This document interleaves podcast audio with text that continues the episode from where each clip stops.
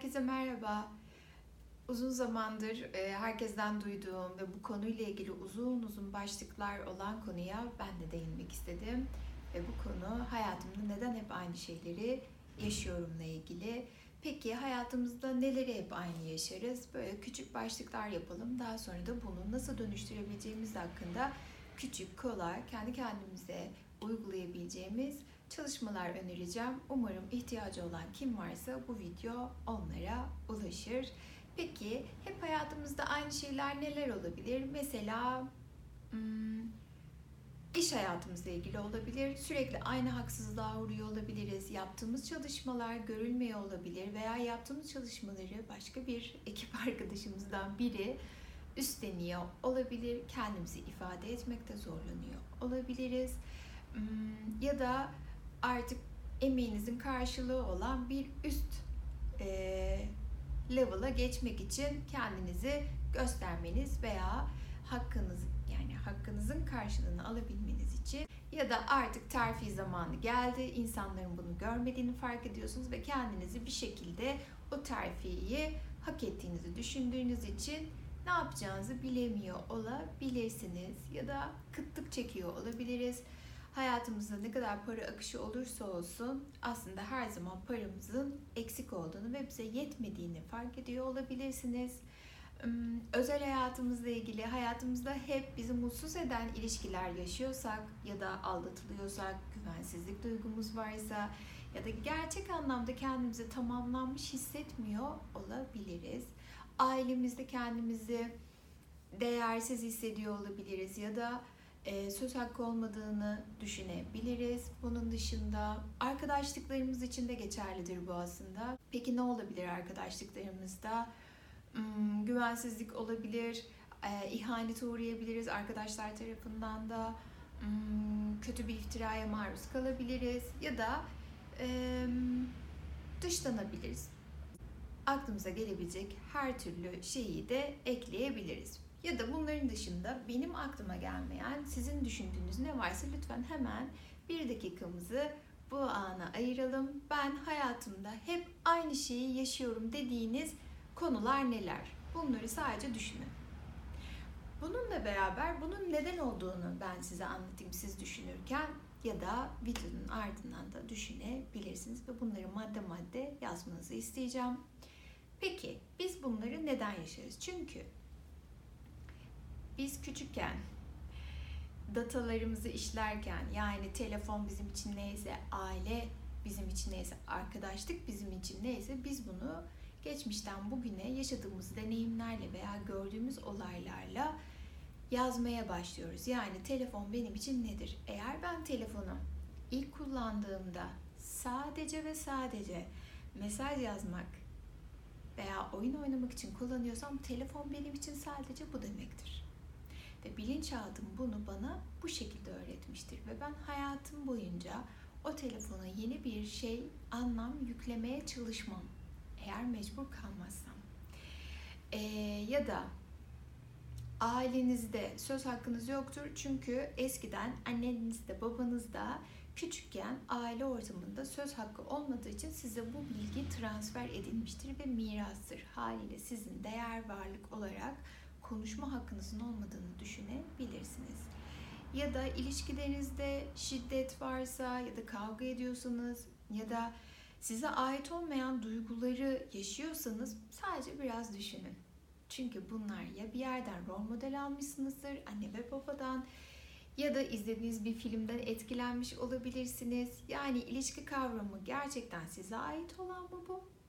Yoksa bir yerden gördüğünüz bir rol model mi? Bunları hep düşünmemiz gerekiyor. Aslında yaşadığımız aksilikler veya anlam kavramları veya yaşadığımız sorunlar veya hep eksiklik hissi tamamen ilk zamanlarda oluşan yanlış bilgi aktarımından kaynaklanıyor. Yani biz ona ne anlam yüklersek hayat bize tam anlamıyla onu veriyor. Peki hepimiz duralım şimdi. Ben hayatımda sürekli olarak yaşadığım sorun neyse düşünmek istiyorum. Evet. Diyelim ki sorunlarımızdan bir tanesi hayatımızda en çok problem ettiğimiz konulardan genelde ikisi çok oluyor. Bir tanesi özel hayatımız, diğeri ise iş hayatımız oluyor. Yani bolluk ve bereket akışı.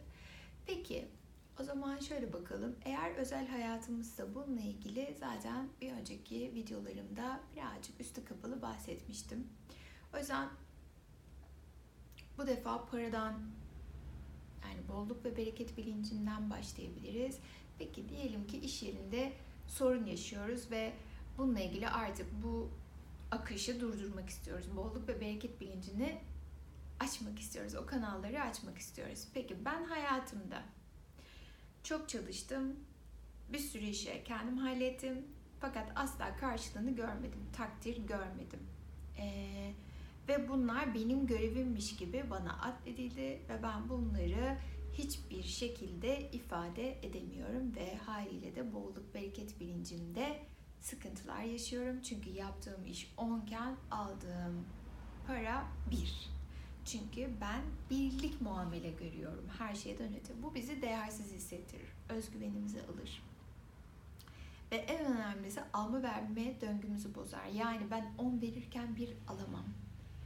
O yüzden haliyle kendi hakkımı, kendi değerimi koruyabilmem için öncelikle öz varlığımı kabul etmem gerekiyor. Peki ben bunu fark ettiysem nasıl dönüştürebilirim? Gerçekten iş kavramım bu mu? Yani şunu sormalıyız kendimize.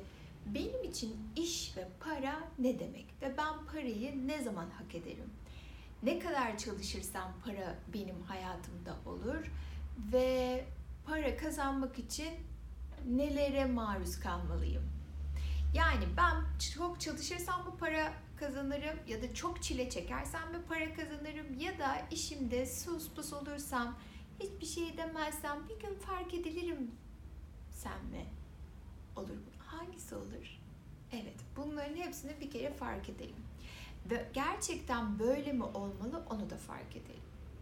Bunların hepsini sadece birazcık kendimize zaman ayırarak fark edebiliriz. Peki bunlardan sonra ne yapmalıyız? Ben artık işimde ne yapmak istiyorum?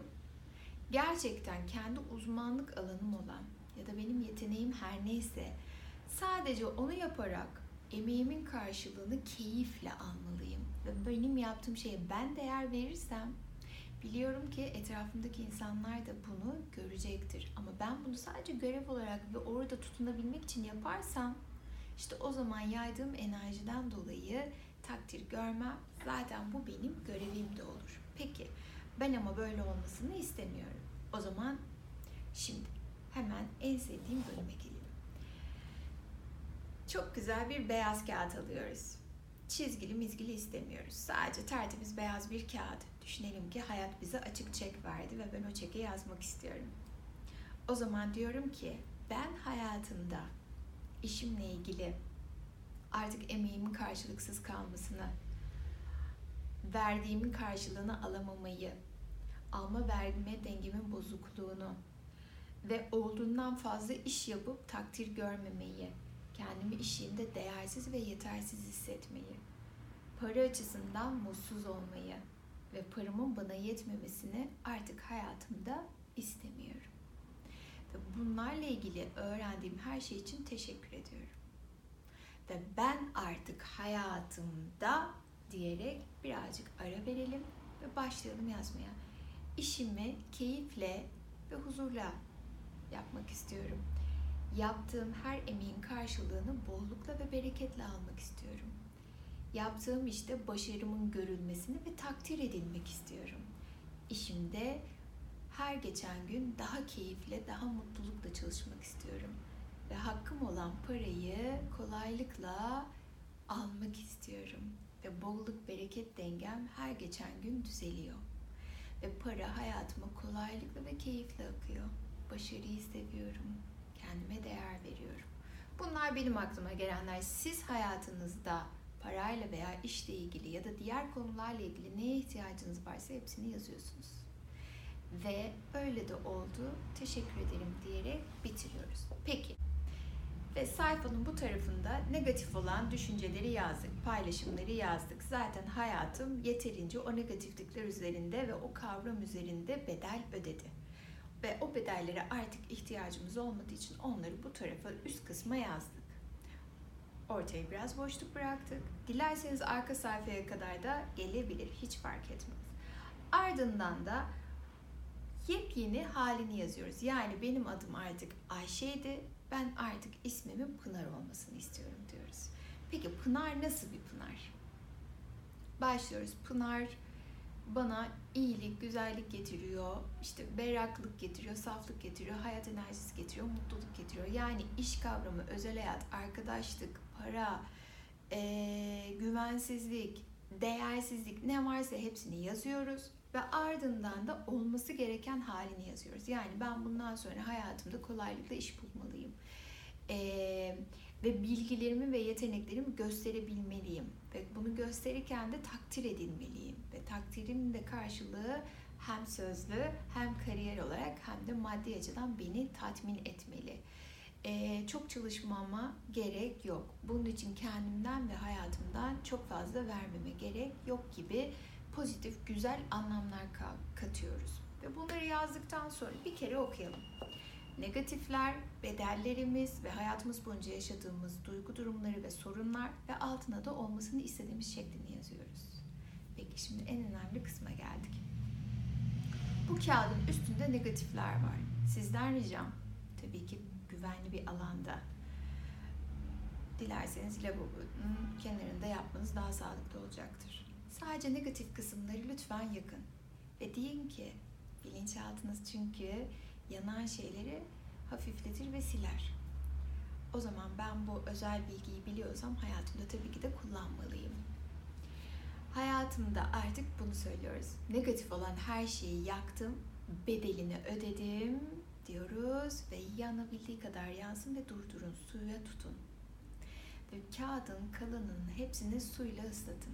Ve deyin ki ben artık hayatımda negatif yaşadığım bedelleri ödedim ve artık suyla arınıyor ve güzellikleri yaşamama kolaylıkla ve saflıkla çekmeyi istiyorum. Yani burada bedellerimi ödedim. Artık bunlar için yapmam gereken her şeyi yaptım. Şimdi artık bunların benim hayatıma pozitif şekilde dönmesini bekliyor ve istiyoruz diyoruz.